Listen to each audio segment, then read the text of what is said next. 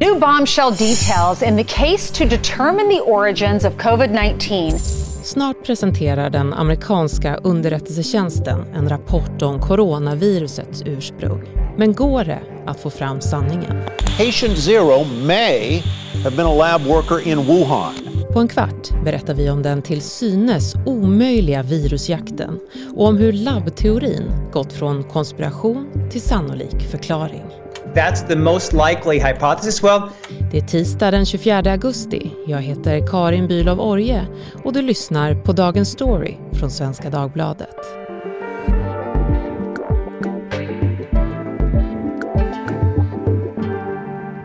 Gunilla von Hall, du är ju vår korrespondent i Genève men också en av de första svenska journalisterna som rapporterade om labbläckan som något annat än en konspirationsteori. Ja, det, det stämmer. Ni var ju ute redan i våras där och skrev artiklar om det här och sen bara smällde det till under sommaren och labbteorin skrevs om överallt. Hur kommer det sig att den här teorin om virusets ursprung blivit rumsren på så kort tid tror du? Jag tror att det var så att när den först kom ut som en teori, då var det Donald Trump som förde fram det. Trump and his band of wackos och då kopplades det ihop med som en, en extrem konspirationsteori och det blev en väldigt politiserad fråga. Och därför så var det många, inklusive forskare, som inte ens ville ta i det här som en, som en teori. För de tyckte att om vi pratar om det här, då kommer vi också kopplas ihop med Donald Trump och det ville de inte. Men sen, vad som hänt senaste tiden är att dels har Joe Biden, USAs president, sagt att nej, vi måste gå till botten med den här labbläckan för det kan faktiskt handla om det. Och när han gick ut och bestämde att amerikansk underrättelsetjänst ska utreda det under 90 dagar, då blev det plötsligt, som, som du säger, som rumsrent att prata om det här. Och samtidigt så var många forskare ute och skrev inlägg och upprop att det här och det här det här talar för att det kan vara en labbläcka och det måste utredas liksom alla andra teorier. Och det här blev en sammanlagd liksom press på världen kan man säga och på WHO framför allt att man måste gå till botten med det här och utreda det. Och så plötsligt dök det upp som du säger i alla medier och överallt. Men du tillsammans med vår kollega Henrik Ennart, ni, ni var ju ändå så tidigt ute. Vad fick ni för reaktioner på er rapportering? Var det många som hörde av sig om att det var ren blaska ni skrev eller att det var liksom falskt det ni förmedlade? Nej, faktiskt tvärtom. Att folk som hörde av sig var väldigt intresserade och nyfikna och förundrade framförallt över att varför utreds inte det här? Och det finns ju saker som talar för att det skulle kunna handla om att det har läckt ut från ett labb genom att någon forskare har blivit smittad. Och, och, och mest liksom en förvåning och att vara häpnadsväckande att det här inte utreds. Och sen skrev vi också om att det fanns flera av dem i WHO-gruppen som har en intressekonflikt och, och har jobbat ihop med labbet som gör att man kanske inte kan lita fullt ut på deras rapport för den kan vara, vara färgad just av intressekonflikter. Så att nej, intresse, utred, fortsätt, gå till botten. President Biden asking the U.S. intelligence community to, quote, redouble their efforts to investigate the source of the virus. Så vilka argument förs då fram av de forskare och politiker som tycker att labbteorin bör utredas? Jo, bland annat labbets så kallade gain of function-experiment. Forskning som går ut på att göra virus så smittsamma och dödliga som möjligt. it's in and of itself very dangerous because these things do leak from labs um, relatively routinely. Metoden är, trots det goda syftet att försöka förhindra framtida pandemier, kraftigt ifrågasatt. Ett annat argument som lyfts är det faktum att labbet har världens största samling av fladdermösvirus. Bland dem finns också ett virus som är 96,2 procent identiskt med sars-cov-2. Än idag anses det här vara den närmsta släktingen till dagens pandemivirus. what I see is a very likely possibility that this pandemic started from a, an accidental lab incident followed by a, a criminal cover-up. Teorin går alltså ut på att viruset ska ha spridits oavsiktligt. Att forskare smittats när de tagit prover från fladdermöss i grottor eller på plats i labbet om skyddskläder varit otillräckliga eller skadade. Och är det då luftburna virus så kan det ha smitit in och smittat en forskare som sen då har åkt hem eh, och blivit sjuk och smittat sin familj som sen smittar hela byn, hela staden, hela samhället. Så att det är sannolikt att det har skett på det sättet. Det har liksom inte bara eh, flutit ut som ett virusmoln över en stad. Det är inte det, utan det handlar om ett mänskligt, förmodligen mänskligt misstag. Den här WHO-gruppen som besökte Kina, de avfärdade ju labbteorin. Hur har deras ståndpunkt förändrat sedan dess? När de kom ut i mars med sin rapport då sa de att labbläckan var extremt osannolik. The laboratory incident hypothesis is extremely unlikely.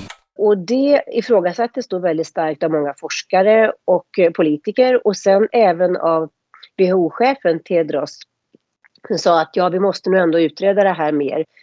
Och sen har även en av de ledande eh, personerna i WHO-gruppen, dansken Peter Mbarak, han gick nyligen ut i dansk tv och sa att, förvånande, och sa att nej, det är en labbläcka är ändå sannolikt. Och den hypotes har vi betraktat som en sannolik hypotes. Från att tidigare sagt extremt osannolikt. Så någonting har, har ändrats här med förmodligen internationella påtryckningar också, att det kan handla om en, om en sån läcka och det måste, även WHO-gruppen nu vill gå till botten med det. Men de kommer ingen vart som det ser ut. Eh, de fick nej från Kina i mitten på juli. Eh, så försökte de häromdagen igen med ett uttalande och kunna komma in och utreda det här med Kina och fick kalla handen igen. Och vad jag hör från kineserna eller från kinesiska diplomater som jag träffade just igår faktiskt är att eh, WHO kommer inte att kunna komma in igen. Det har gjorts en utredning. Kina öppnade dörren. De fick komma in. De fick vara på labbet i en kort stund bara, fick ingen rådata. Men Kina säger att vi har gett den chans som vi har. Det räcker. Det finns ingen anledning att göra någon ny utredning. Tvärt nej från Kina alltså. Men samtidigt så pågår ju parallellt i USA en utredning. Amerikanska underrättelsemyndigheter har fått i uppdrag av eh, presidenten Joe Biden att gå till botten med coronavirusets ursprung. Vad kan du berätta om det? Ja, den utredningen då har ju eh, pågått snart i tre månader och väntas, vad, vad jag har hört från amerikanska diplomater, väntas komma när som helst, vilken dag som helst nu. Eh, vad jag också har hört är att den inte kommer att komma till någon eh, slutsats, någon tydlig slutsats, ja eller nej. Och det är ju för att man inte förmodligen har fått mera rådata eller kunnat komma till Kina. Den har gjorts och det kanske också kan vara en slags sätt för Biden att rädda ansiktet. Vi har gjort en egen utredning, vi kommer inte längre ni kan inte anklaga oss för att vi inte gör tillräckligt. Eh, men vi ska inte vänta oss för mycket av den utredningen. Men USAs roll i det här är väl inte helt okomplicerad? Jag tänker de finansierade väl delvis forskningen som pågick i Wuhan? Ja, USA har ju faktiskt haft, eh, eller har starkt intresse också för det här labbet i Wuhan är ju väldigt, det är ju världens mest kanske specialiserade laboratorium för att studera coronavirus. Så att USA har haft många forskare som har varit engagerade på labbet och eh, det finns myndigheter i USA som har betalat stora summor, över 7 miljoner dollar för att finansiera labbet i Wuhan för att de är intresserade av forskningen. För den som görs där är viktig. Och eh, fransmännen, Frankrike har varit med också och byggt upp labbet så att det finns många internationella intressen i labbet i Wuhan. Det är inte bara en kinesisk affär utan det är nog, ska jag säga, nästan en global, ett globalt labb på många sätt. Ja, banden mellan forskningen i Wuhan och länder i väst är starka.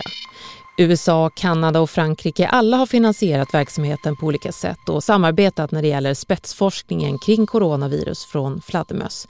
Inte minst när det gäller den ifrågasatta gain of function-metoden. Making scary pathogenic viruses scarier. Och WHO är nu under stor press att åka tillbaka till Kina för en ny utredning av labbteorin. Men Kina har gett kalla handen återupprepade gånger i sommar och så länge Världshälsoorganisationen är portade så kommer utredningen inte vidare.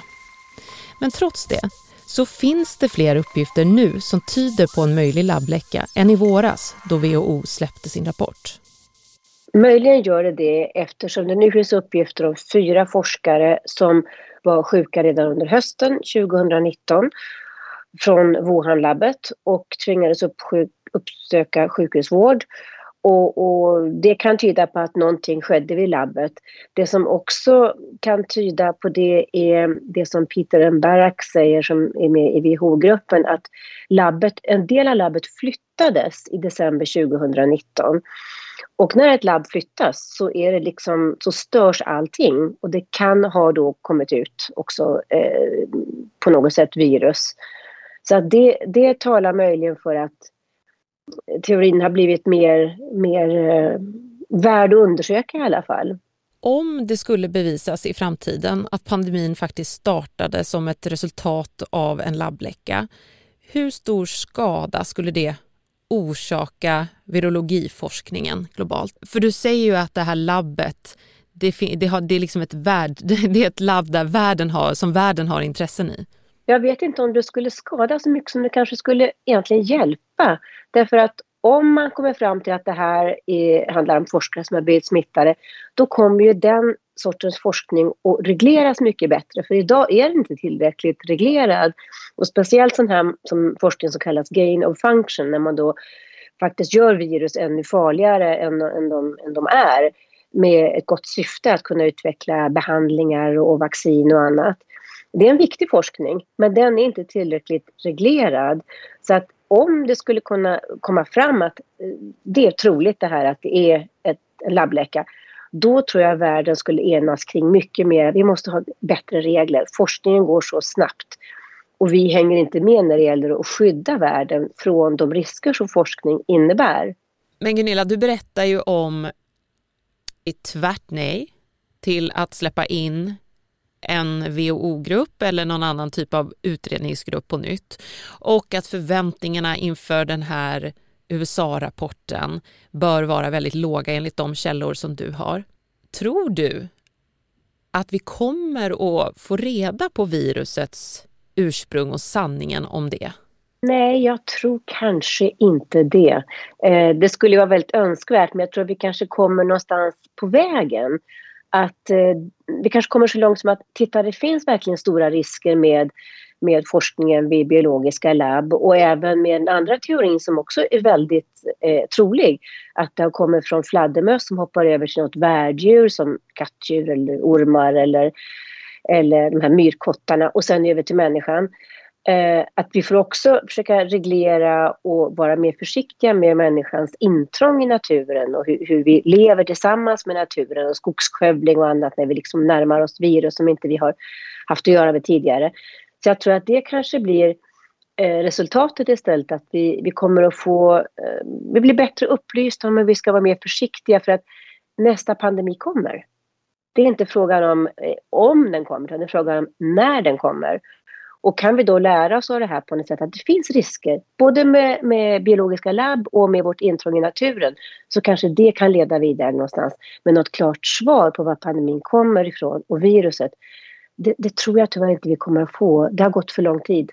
Vad har lett till att vi ännu inte vet hur viruset uppkom och kanske aldrig kommer få veta? Jag tror tyvärr att det har att göra mycket med att Kina inte har samarbetat så mycket som omvärlden vill.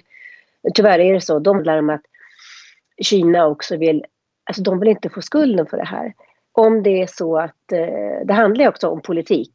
Det kan man inte komma ifrån att, att Kina säger att det är USA som vill ge dem skulden för att det är faktiskt fyra miljoner människor som har dött i pandemin.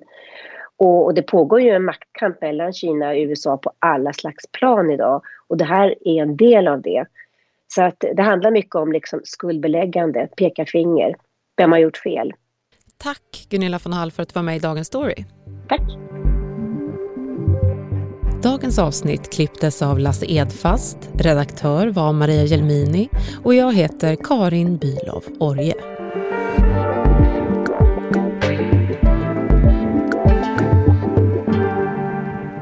Du har lyssnat på Dagens Story från Svenska Dagbladet. Vill du kontakta oss så mejla till dagensstory.svd.se.